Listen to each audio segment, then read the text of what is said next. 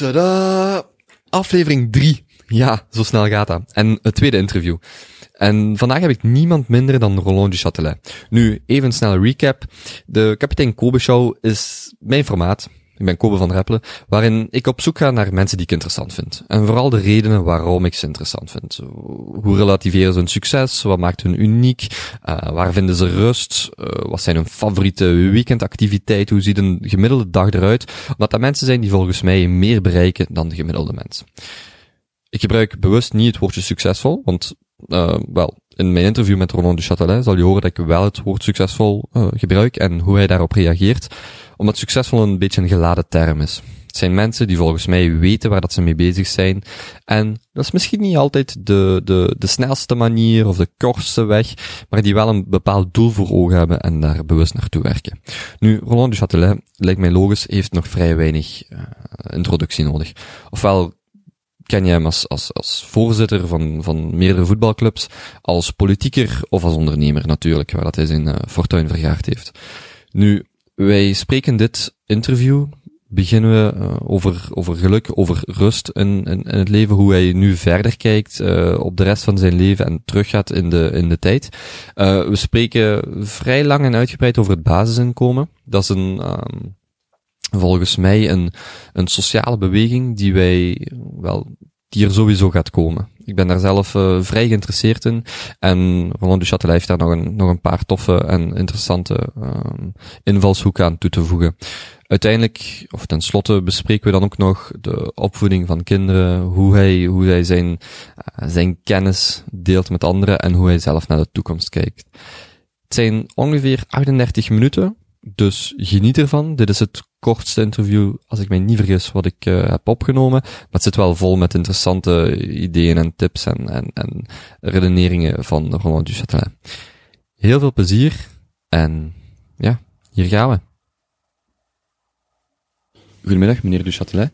U bent de eerste persoon uh, waarvan ik zeker ben dat hij geen introductie meer nodig heeft. Uh, u bent ondernemer, voorzitter en actief in de politiek. Hoe zou u uzelf beschrijven?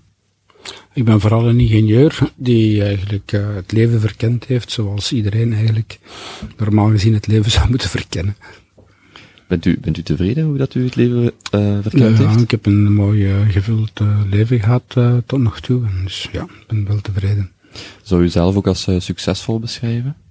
Dat heeft voor mij niet zoveel belang. Ik denk dat het belangrijkste is in het leven dat je gelukkig bent. En dat dat eigenlijk de maat is waar je, allee, waar je de dingen moet aan meten.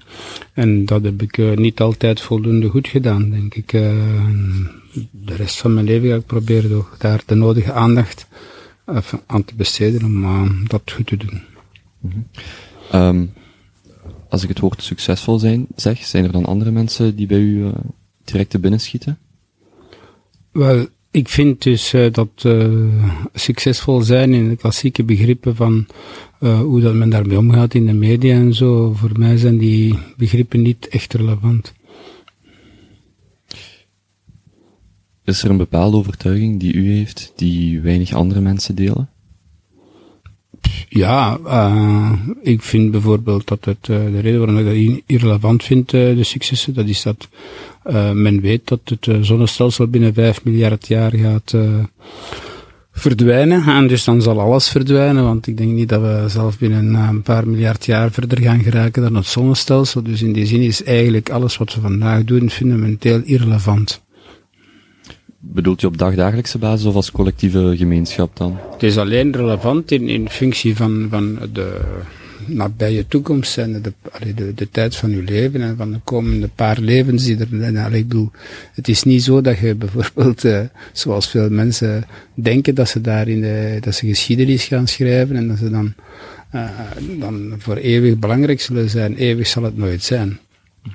Hoe kijkt u dan zelf terug op u? Want u bent natuurlijk iemand die um, die grotendeels uit, deel uitmaakt van het Belgisch landschap, voor Belgische zowel ondernemers als politiekers. Uh, u bent uh, betrokken in meerdere voetbalclubs. Hoe relativeert dan u dan uw... Oh, wel, dat is allemaal zeer, zeer vergankelijk. Dus in, in, daarom is het ook niet zo relevant. Mm -hmm.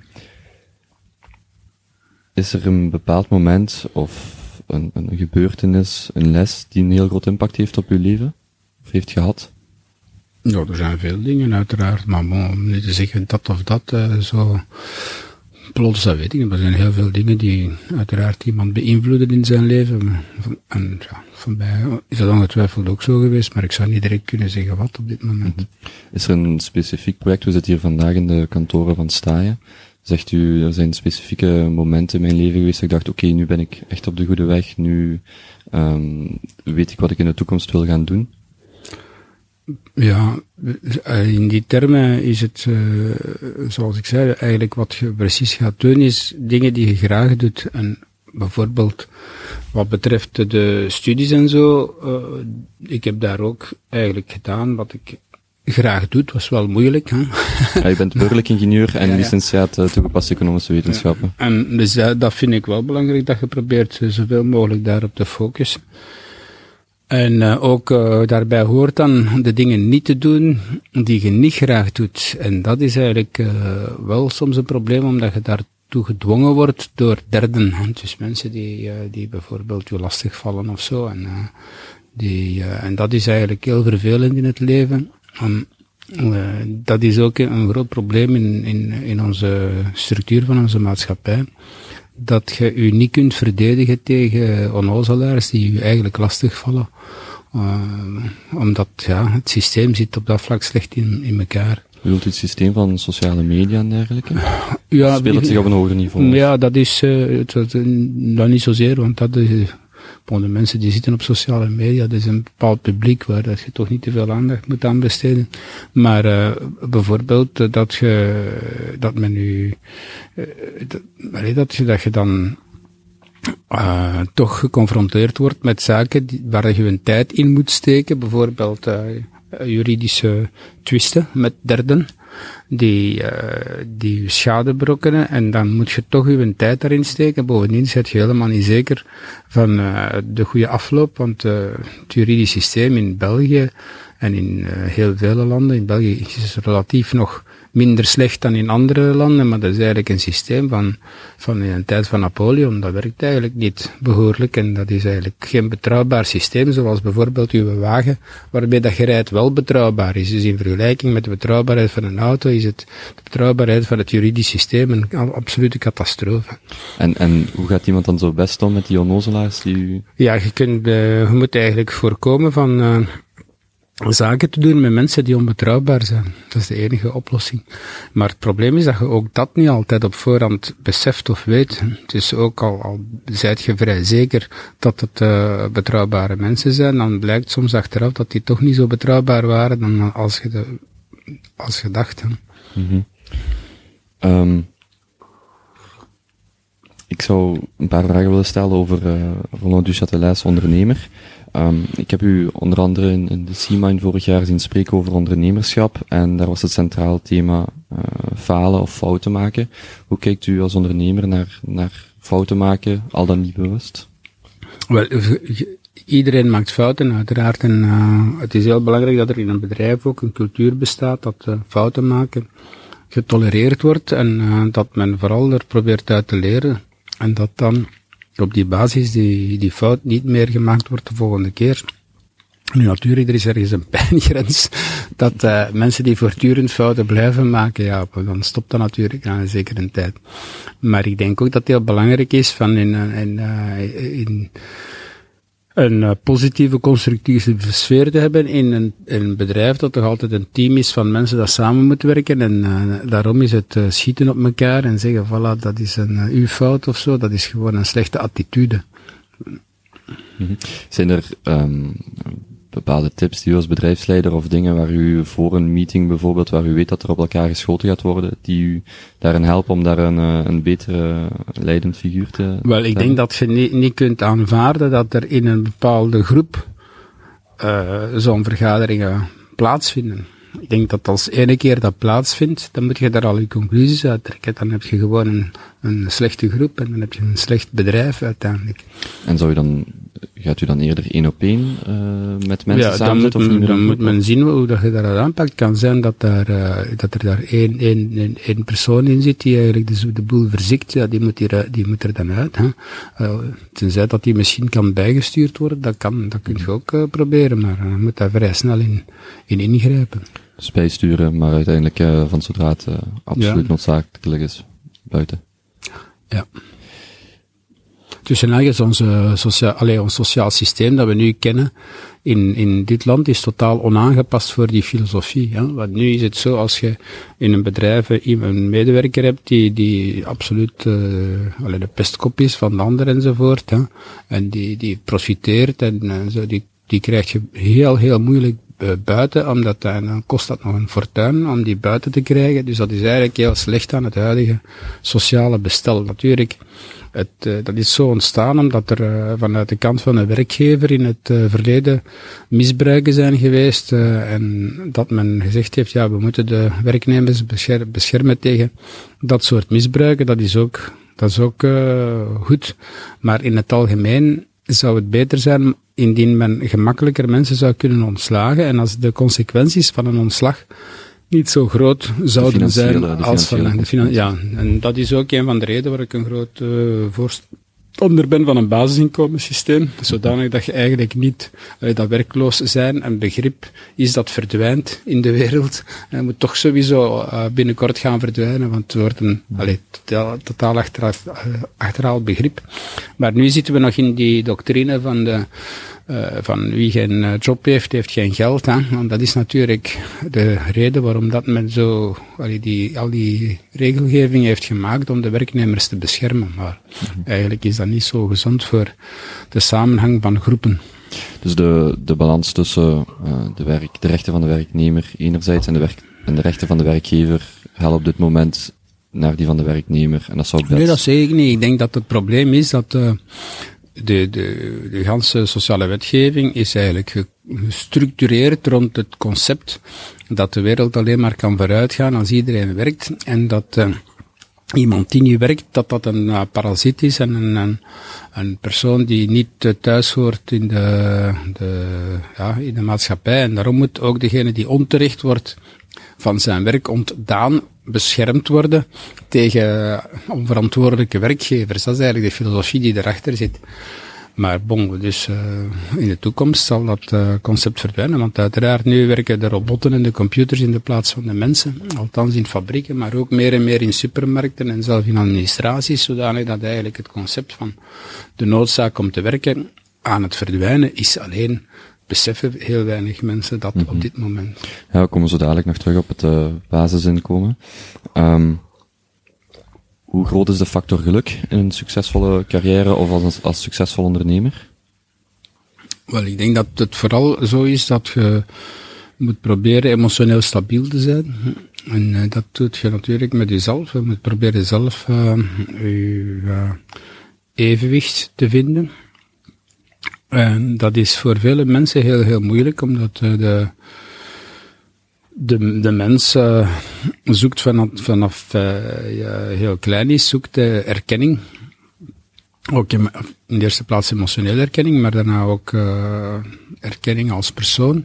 En diegenen die dat niet vinden, die, die, die, dat worden vaak problematische personen. En er zijn heel veel mensen, toch een heel groot percentage, die nooit eigenlijk zich 100% goed voelen in hun vel en altijd blijven gefrustreerd zijn of blijven jaloers zijn of blijven, uh, wat dan ook.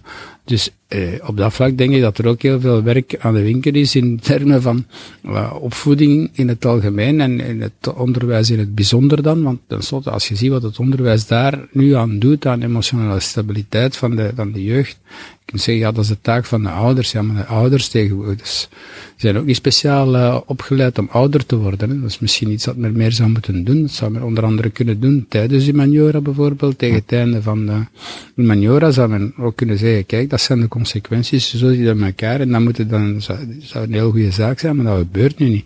Uh, Impliceert u dat u dan um, erkenning gekregen heeft wanneer het nodig was, of dat u um, op een vroeg moment al, al zeker was van de dingen die nodig zijn om succesvol te worden, of om um, tenminste een, een, uh, uitgebalanceerd leven en het daaraan hangende succes. Ja, ik heb nooit grote problemen gehad. Ik heb wel uiteraard zoals iedereen uh, uh, momenten van onzekerheid gehad en, en dat je jezelf vragen stelt bij bepaalde dingen, maar moet dus redelijk snel snel gestabiliseerd, zodanig dat ik me kon concentreren op interessantere dingen dan mezelf.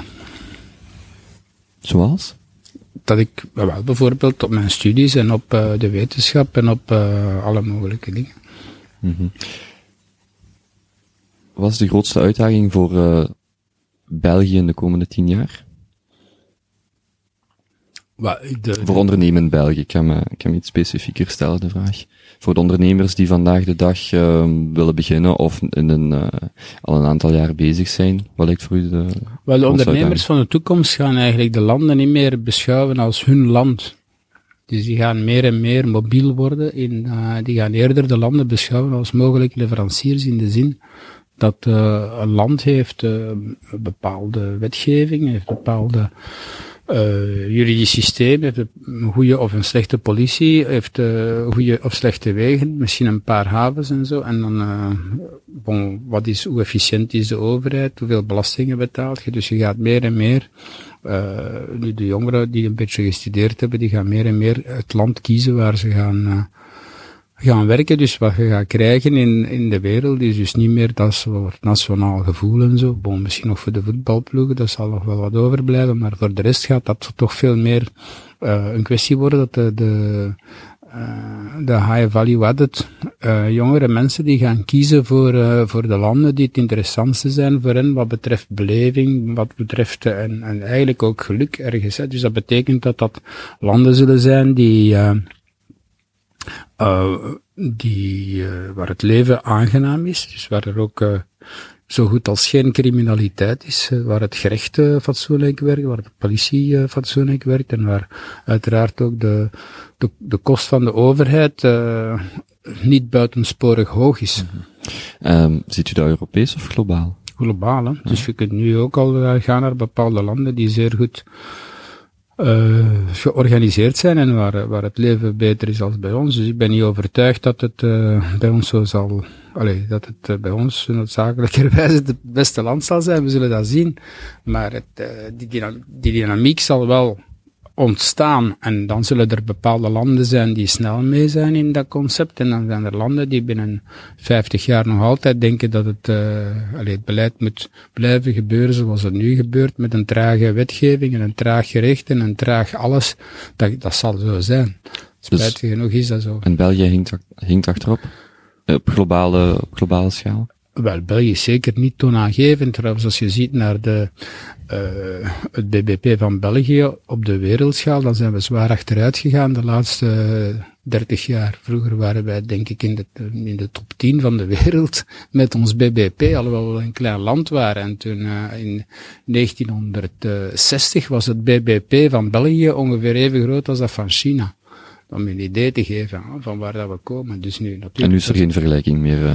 Ja, nu is dat van China. Ik weet niet of ik denk, uh, uh, ja, een paar honderd, minstens honderd keren groter. Of, dus dat is eigenlijk, we zijn in die zin naar welvaart toe fel achteruit gegaan de laatste vijftig jaar.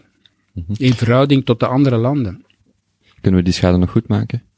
Dat kun je niet meer goed maken. Die trein is voorbij. Bovendien, we hebben een zodanig ingewikkelde staatsstructuur gemaakt hier, met kun je veel, bij vier klimaatministers. Ik, soms zeggen ze dat er vijf zijn, of vier, ik weet het niet. Ik denk dat de meeste mensen... En nog altijd geen plan. Ja, dat weet ik nu ook niet of dat er nu een plan is of niet, maar ik bedoel, het, ze hebben het zodanig belachelijk gemaakt, die structuur van een relatief klein landje, dat, uh, dat dat echt wel een probleem is en dat ik niet denk dat men daar snel uitgeraakt, omdat uh, Machiavelli zei reeds in uh, rond het jaar 1500 dat de verandering altijd zeer moeilijk is, omdat degenen die er voordeel aan hebben dat het blijft zoals het is, die heb je als tegenstanders en de mensen die voordeel zouden halen uit een mogelijke verandering die je voorstelt, die beseffen niet eens dat ze, dat, allee, die kunnen zich niet voorstellen wat het voordeel daarvan zou zijn, van zo'n verandering. Bijvoorbeeld bij het basisinkomen is dat ook zo. En daarom is het zo dat het zo moeilijk is om te veranderen. En uh, je ziet dan ook vaak in de geschiedenis dat bepaalde landen compleet te onder gaan, uh, in plaats van zich aan te passen. En dus eigenlijk helemaal erover. Bon, als je nu kijkt, het recente, het recente verleden, Griekenland, dat is eigenlijk, die hebben, die hebben zichzelf kapot gemaakt eigenlijk. Mm -hmm.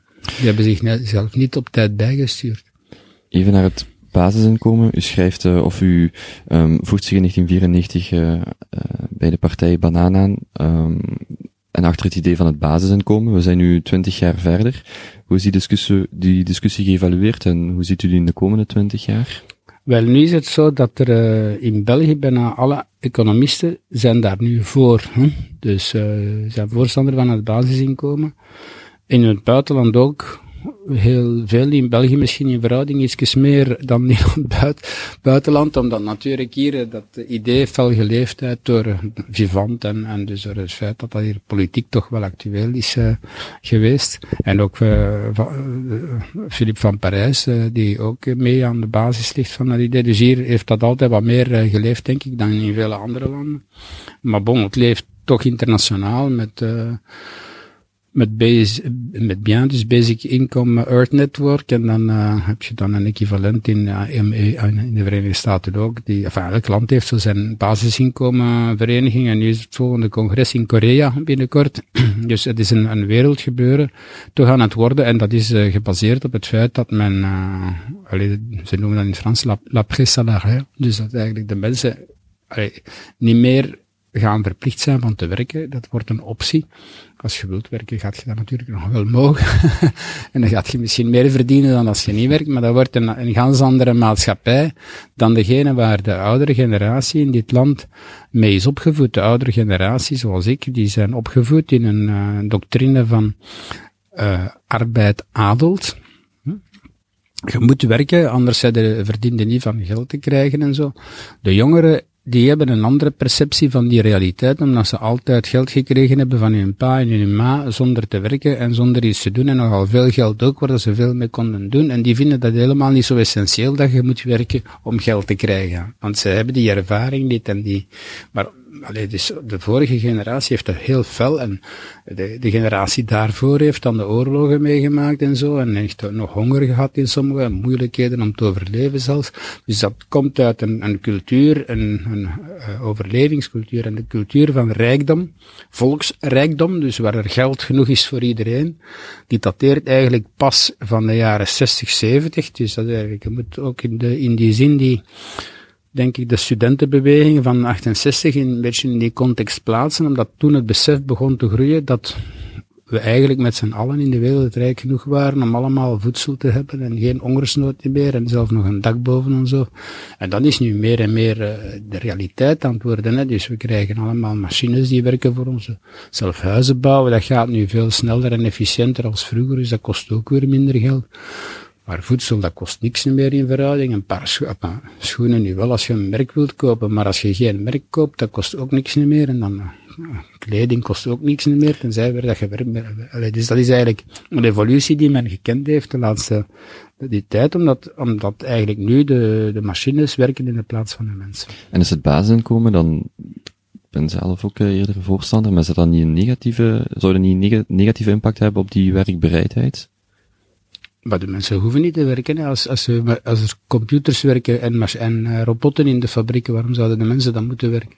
Dus het is wel uw overtuiging dat een mens, zowel individueel als collectief, een vraag moet stellen of werk, zoals we het vandaag de dag kennen, of de laatste decennia kenden, um, nog een plaats heeft in de toekomst. Dat heeft, alleen, alleen voor degenen die dat willen doen, die zullen dat kunnen doen natuurlijk, en die zullen daar geld voor krijgen ook, voor degenen die willen werken, maar er is, er is geen, uh, uh, productief werk genoeg voor iedereen. Dus uh, die, die ganse doctrine van, van te moeten werken, die gaat verdwijnen. Dat is geen twijfel aan mogelijk. Dus dat is, gaat gewoon verdwijnen, dat concept.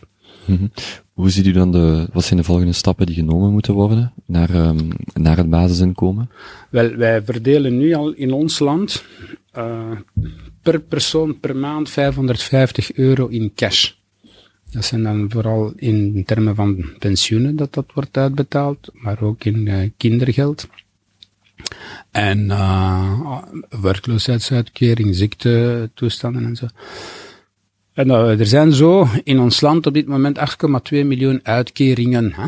Het kan zijn dat er mensen... Dus meerdere per persoon ook, uh, bedoelt u daar Misschien meer zijn er ook meer per persoon dan, waarschijnlijk zijn er meer per persoon. Maar uh, die, die geeft het idee dat er heel veel geld nu reeds wordt uitgedeeld. Dus het concept dat er uitgedeeld wordt, is een, een, een concept dat eigenlijk vandaag al bestaat. Bovendien krijgt men ongeveer 350 à 400 euro in natura in de vorm van onderwijs en gezondheidszorg. Ook gratis eigenlijk, hè? dus dat is natura dan. Dus dat is nu al eigenlijk dat er per persoon en per maand, uh, uh, ja, een, toch heel veel geld wordt uitgedeeld in België. En in andere landen is dat net zo. Als je kijkt naar Frankrijk of Nederland of zo, wordt er ook vrij veel uitgedeeld. Dus uh, alleen is het zo dat dat nu allemaal gebonden is aan het, de doctrine van werk. Dus je moet ooit gewerkt hebben, of je moet getrouwd zijn met iemand die ooit gewerkt heeft, of misschien met, uh, ja, alleen dat soort dingen. En als je, en dan heb je alle mogelijke gelijkgestelden. Hè? Dus bijvoorbeeld iemand die heel zijn leven dopt, hè? die is dan gelijkgesteld en krijgt dan toch een pensioen. Waarom? Omdat hij zogezegd altijd gezocht heeft naar werk en dat was, ja, en, en dat soort dingen. Dus, maar in principe iemand die nooit gewerkt heeft en er ook ronduit vooruitgekomen heeft, krijgt in België geen pensioen. Mm -hmm. Wat dat eigenlijk heel absurd is, want er veel mensen zijn dan bijvoorbeeld ouders aan de haard die wel heel hard gewerkt hebben door te zorgen voor hun kinderen.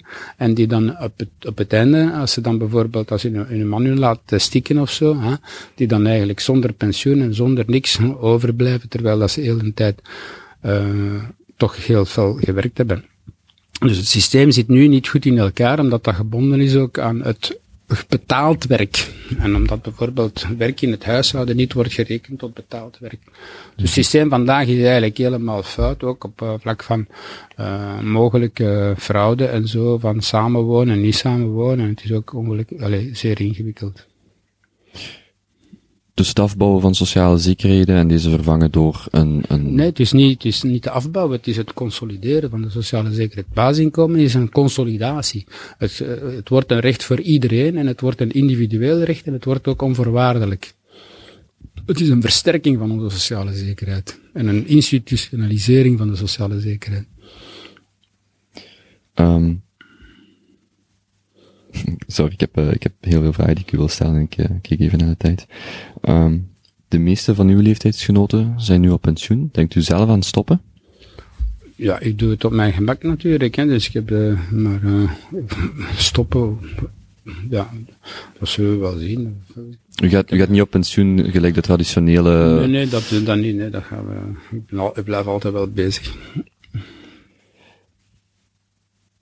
Hoe reageert u op mensen die het idee van, van basis komen en uw idee rond, rond uh, arbeid, in de arbeid, arbeid in de toekomst onzin vinden of als niet haalbaar afdoen? Maar dat is de realiteit in het leven. Niet iedereen is even slim. wat, wat doen we aan die mensen die, die niet even slim of, of geïnformeerd zijn? Ja, kijk, allee, Hoe krijgt u die aan uw kant? Ik, ik heb daar geen behoefte aan om die aan mijn kant te krijgen. Dat is, uh, uh, de wereld zit zo in elkaar en er zijn, ik, ik heb in, in mijn, in mijn leven moeten ontdekken dat heel veel mensen heel emotioneel denken en helemaal niet rationeel denken. En je kunt dat bijna niet. Je kunt die bijna niet, je kunt die gewoon niet overtuigen, omdat ze dat niet, ze, ze, dat willen, ze willen dat niet aanvaarden. Dus bijvoorbeeld mensen die leven in, in die uh, mentaliteit dat je moet werken voor je brood en dat je anders een slechte zijt, die gaan hun verstand herprogrammeren om toch maar redenen te vinden om dat basisinkomen een slechte zaak te vinden. Die gaan eigenlijk zoeken naar uitvluchten om daar tegen te zijn. Omdat hun emotie zegt, je kunt daar niet voor zijn, want dat is fundamenteel slecht. Dat is zoals religie. Dus als je, als je iets gelooft zo, op dat, en, en dat is, de, de, ja, de hersenen van een mens werken zo dat een... Uh, Die cognitieve dissonantie tussen, tussen datgene wat ze eigenlijk gewoon zijn en zouden geloven, versus het nieuwe idee wat dan niet ja, in een... Uh... Dus, uh, veel van ons denken is eigenlijk geprogrammeerd. We stellen ons daar geen vragen meer bij. Als je de straat wilt oversteken, dan kijk je eerst naar links en daarna naar rechts. Hè? Zonder u daar vragen bij te stellen. Wij zijn zo geprogrammeerd. Op dezelfde manier hebben wij van uh, mensen die gelovig zijn, hebben dat ook. Hè. Die, zijn, die geloven dat gewoon en die stellen dat niet meer in vraag. Maar ook die arbeidsethiek wordt door de meeste mensen absoluut niet in vraag gesteld. Ze kunnen dat zelf niet meer in vraag stellen, omdat zij niet meer emotioneel zouden aanvaarden. Emotioneel kunnen zij niet aanvaarden dat zij gans hun leven gewerkt hebben gelijk als een ezel, hè? en dan, dan, dan zouden ze zich eigenlijk gans hun leven vergist hebben. Dat aanvaarden zij gewoon niet. Dat dat een, een aanvaardbare denkpiste zou zijn. Dus dan gaan zij met het rationeel stukje van hun verstand dat nog overblijft, proberen allerlei redenen te vinden om daar toch tegen te zijn. Zo werkt het. Maar ik samenvatten dat het basisinkomen, of dat is misschien mijn samenvatting, wij kijken nu terug 100 jaar geleden naar de sociale rechten en vragen ons misschien af hoe zoiets um, kon zijn in vergelijking met vandaag. Kijken we over 100 jaar naar het basisinkomen uh, met hetzelfde idee, gaan we ons dan afvragen hoe dat kan zijn dat, uh, dat het basisinkomen er niet vroeger was? Absoluut. En, en, en men gaat niet begrijpen dat onze beleidsmakers in het algemeen dat niet begrepen. Dus die gaan, die gaan er absoluut geen verstand voor hebben voor uh, het feit dat bijvoorbeeld de helft van de mensen die nu werken in allerlei uh, functies, in het onderwijs, in fabrieken enzovoort, werken tegen hun zin. Dat is een misdaad tegen de, het geluk toch, hè, zoiets. En toch doen we het allemaal, omdat nu veel van die mensen die werken om hun broden of die werken voor hun pensioen en die zo, en die zijn eigenlijk ongelukkig binnen 100 jaar gaat de essentie van de maatschappij draaien rond gelukkig zijn. En niet meer rond werken voor geld te verdienen. Dat gaat, een, allee, dat gaat iedereen me lachen dat er zo een, dat is gelijk als de slaven in, in een tijd van, van de slaven en zo. Dat gaat allee, met zeer veel, uh, uh, hoe zou ik zeggen, uh, compassie en, en, en, en alleen men gaat denken over de generatie van nu, dat er allemaal idioten waren die eigenlijk veel te dom waren om te, te snappen wat dat er aan de gang was. Wat zegt u tegen de honderdduizenden werklozen in België? Ja, eh, er zijn er meer dan een half miljoen. Hè, die, ja, dat ja, is honderdduizend is, honderdduizend is nog uh, misschien optimistisch, maar uh, nee, tegen de half miljoen. Die, wel, ja, wel ja, maar dat is iets dat, uh, dat eigenlijk, bij, als je een systeem van basisinkomen, dan wordt het begrip werkloze afgeschaft. En het begrip gepensioneerde wordt ook afgeschaft. Die, die begrippen bestaan niet meer. Maar ze zijn er vandaag de dag nog wel. Vandaag zijn ze er nog, maar dat heeft uh, geen toekomst meer. En iemand die vandaag dan werkloos is, hoe, uh, uh, hoe krijgt hij zijn leven, zijn professionele carrière terug op de rails? Wat is de snelste stap die u iemand zou aanraden? Maar ik denk dat hij beter emigreert naar een land waar het beter is, of dat hij dan hier, of uh, en waar hij wel werk kan vinden, uh, dat dan, of, of uh, waar dat ze hem wel willen aanvaarden. Maar bon, voor de rest, Ik denk ook dat er heel veel, ze hebben nu over het laatste de werkloosheidsuitkeringen beperkt van, uh, ik weet niet meer precies hoe ze het gedaan hebben, maar dat was nog de vorige regering die dat beslist had en zo. En plots zijn er, ik weet niet hoeveel werklozen verdwenen. de helft geloof ik van de werklozen die er dan waren in dat systeem, uh, daar waar zoveel schande over gesproken werd, dat afgezet, die waren verdwenen. Dus, waarschijnlijk zijn er heel veel, uh, is er ook op het vlak van werkloosheid heel veel fraude geweest in het verleden en nog altijd. Heeft u een favoriete film of documentaire?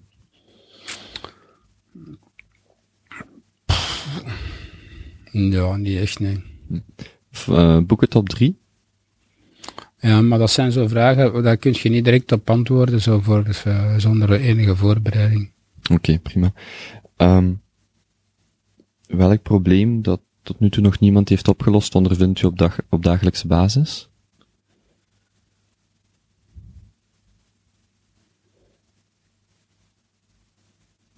Ja, ik heb allee, het grootste probleem, denk ik, wat heb ik eigenlijk al aangehaald, dat is uh, de werking van justitie die dus uh, eeuwen achterhaald is. Dus waar men eigenlijk niet nadenkt over de finaliteit, dus en de efficiëntie, dus op uh, zo kort mogelijke tijd, zo goed mogelijk de mensen vooruit helpen met recht te spreken op een zo juist mogelijke manier, terwijl men nu compleet vastzit in, in structuren van van procedures en van, en, en eigenlijk maakt het bijna niet meer uit wie gelijk heeft, maar het is een kwestie van de juiste advocaten te hebben en die, die, die juiste wetten kennen. En, dus, en, en het is dat soms ook een kwestie is van de juiste uh, personen te kennen binnen het gerecht ook, die, die dan blijkbaar toch meer invloed hebben dan men zou binnen of buiten het gerecht dan. Hè. Dus uh, die toch te veel invloed hebben in verhouding. Dus ik denk dat het systeem van de rechtspraak en, eh, en uh, van, van het gerecht en de wetten, hoe dan wetten gemaakt worden en afgeschaft, compleet, maar dan ook compleet achterhaald is. En ik moet, ik vind dat daar een absoluut onbegrip voor is. Van onbegrip, men beseft het gewoon niet. Er zijn misschien één op duizend mensen die dat echt zo scherp beseft als ik het nu zeg. -hmm. Is er een land waar we, of een systeem van justitie waar we een voorbeeld aan kunnen nemen? Er Voor die mensen die zich bijvoorbeeld willen informeren en zeggen, oké, ik wil daar meer over weten, welk land kunnen we ons modelleren? Maar er zijn, eh, in het algemeen zijn de, de Scandinavische landen op dat vlak eh, beter dan de onze. Dus op dat vlak is het al beter, maar ook daar is men een beetje toch, allee, is er nog werk aan de winkel om het eh, te verbeteren en te actualiseren aan, eh, aan- aan een soort. Men moet meer denken over justitie als een dienst aan de bevolking en daar KPI's aan. Ik weet niet of dat je weet wat KPI's zijn, hè, maar dat men ook, zoals in een, eh, productieproces of een eh, productontwikkeling en een product te maken, moet men ook zeggen, kijk, we hebben zoveel gevallen en hoeveel hebben we er nu juist opgelost en welke kost is dat geweest en hoe, hoe goed zijn we geweest in, in wat we gedaan hebben. Maar nu is er niemand bij justitie die in die termen denkt. En dat gebeurt bijvoorbeeld in Scandinavië, wordt er meer, eh, misschien niet in de zin van, van Niet, KPI's, niet, maar wel niet eh, nee, nog niet in die zin. nee. meer verantwoording af, afgelegd. Maar, eh. het grote probleem dat wij hebben is, wij hebben hopeloos achterhaalde wetgeving. Dus uh, 95% van de wetten die we hebben zijn, on, zijn bedacht in een, en gestemd door parlementen in een periode dat er nog geen internet was bijvoorbeeld. Dus eigenlijk, en, en de, het proces om wetten bij te werken, is een, bestaat eigenlijk niet. Hè. Er, is, uh, er is alleen een procedure in de parlementen dat als men een nieuwe wet maakt, dat men toetst in hoeverre dat hij wettelijk is, de, nieuwe wet. Hè. Omdat hij in tegenspraak is met andere wetten bijvoorbeeld. Hè. Dus dat, is, dat werkt ook nog maar half. En dan krijg je dus reparatiewetten, omdat ze zich bij een bepaalde wet hebben vergist en dingen hebben geschreven in de nieuwe wet die in tegenspraak waren met een vorige wet en zo. Dus allee, het werkt en dat is het wetgevend gedeelte van justitie, want dat is wel een belangrijke basis van justitie natuurlijk, hè, want de wetten zijn toch de basis van de rechtspraak, naast dan de andere bronnen van het recht. Maar uh, dat, is, uh, dat werkt op zich heel slecht allemaal. -hmm. Met de kennis en ervaring die u in uw carrière heeft opgedaan, als u terug kon gaan in de tijd en raad geven aan uw 25-jarige zelf, is er iets specifiek wat u zou meegeven? Wel, het belangrijkste in het leven is van gelukkig te zijn en die focus mocht je niet verliezen. Zou je diezelfde raad ook aan uw 40-jarige zelf bijvoorbeeld geven? Ja, aan iedereen, ja. Mm -hmm. Dat is een rode draad door uw carrière ja. en uw leven. Ja. U staat aan, zoals ik net zei, u staat aan de top van de industrie. Um, u heeft enorm veel professionele ervaring opgedaan. Hoe trekt u die lijn door in de opvoeding van bijvoorbeeld uw kinderen, in uw persoonlijke relaties? Wel, daar ook moet je, een van, een van de, de, de, van de, we hebben eigenlijk in onze bedrijven ook een, wetten en reglementen uiteraard. En uh, bijvoorbeeld Melexis, dat is uh, een bedrijf dat, dat, het, uh, dat een van de eerste is dat we gestructureerd hebben. Die hebben ook zo een grondwet met tien wetten. En de eerste wet van die grondwet is dat het belangrijkste doel van de, van de firma is van gelukkig te zijn. Van de firma of de, de, de werknemers? Enfin, dat ja. de mensen die er werken gelukkig zouden zijn. Hè? Ja. Dus, uh, en uh, uiteraard van de mensen die er werken. Dat was toen zeer revolutionair, hè? want ik herinner me dat ik toen door een Japans bedrijf ben benaderd geweest die daar niet van over konden dat dat eigenlijk, dat was, en dat, omdat dat zo in zo'n schril contrast staat met de doctrine van toen, waar je moet werken voor je brood en voor je inkomen. Over welk jaar spreken we dan? Dat was 1990 ongeveer. Ja, bij de, dat is dicht bij de oprichting geweest, of niet? Uh, Toen bestond het bedrijf nog niet zo lang. De, ja, dat was bij de oprichting. Dat was bij de oprichting, direct ja, heeft nee, u... Het was iets later ja. dan 90 hoor, maar uh, in, die, in die, dus laten we zeggen nu, een, uh, ja, toch meer als... Uh, meer als twee decennia geleden dat u toen al maar, was. En dus in die zin denk ik dat, ja, dat, je, dat je zo moet, moet denken en dat dat eigenlijk is ook, als je dan denkt over je, in het algemeen, moet je eigenlijk dat als, als, als vastnemen. Mm -hmm. Is er een dagelijkse gewoonte die een groot impact heeft op uw leven, op uw gelukkig zijn? Ja, ik ga elke morgen joggen. dus, uh, en uh, dat is het, denk ik, uh, dat het belangrijk is van een gezond te zijn en van een gezond lichaam te houden. Huh? en dan kun je eigenlijk vooruit. Mm -hmm. Ik ga u nog één allerlaatste vraag stellen. U heeft 30 seconden zendtijd voor een boodschap van algemeen nut. Wat deelt u met uw landgenoten?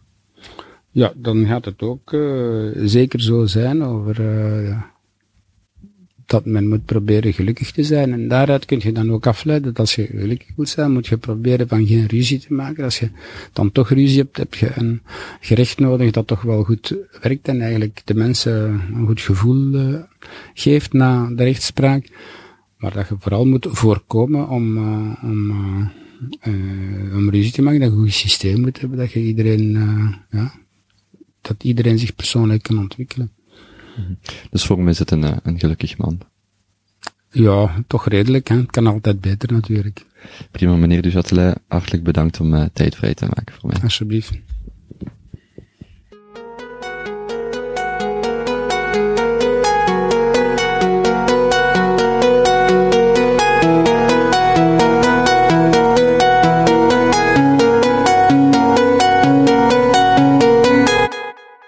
Voor meer informatie over deze aflevering, ga naar www.kapiteinkobe.be aan elkaar geschreven, slash RD.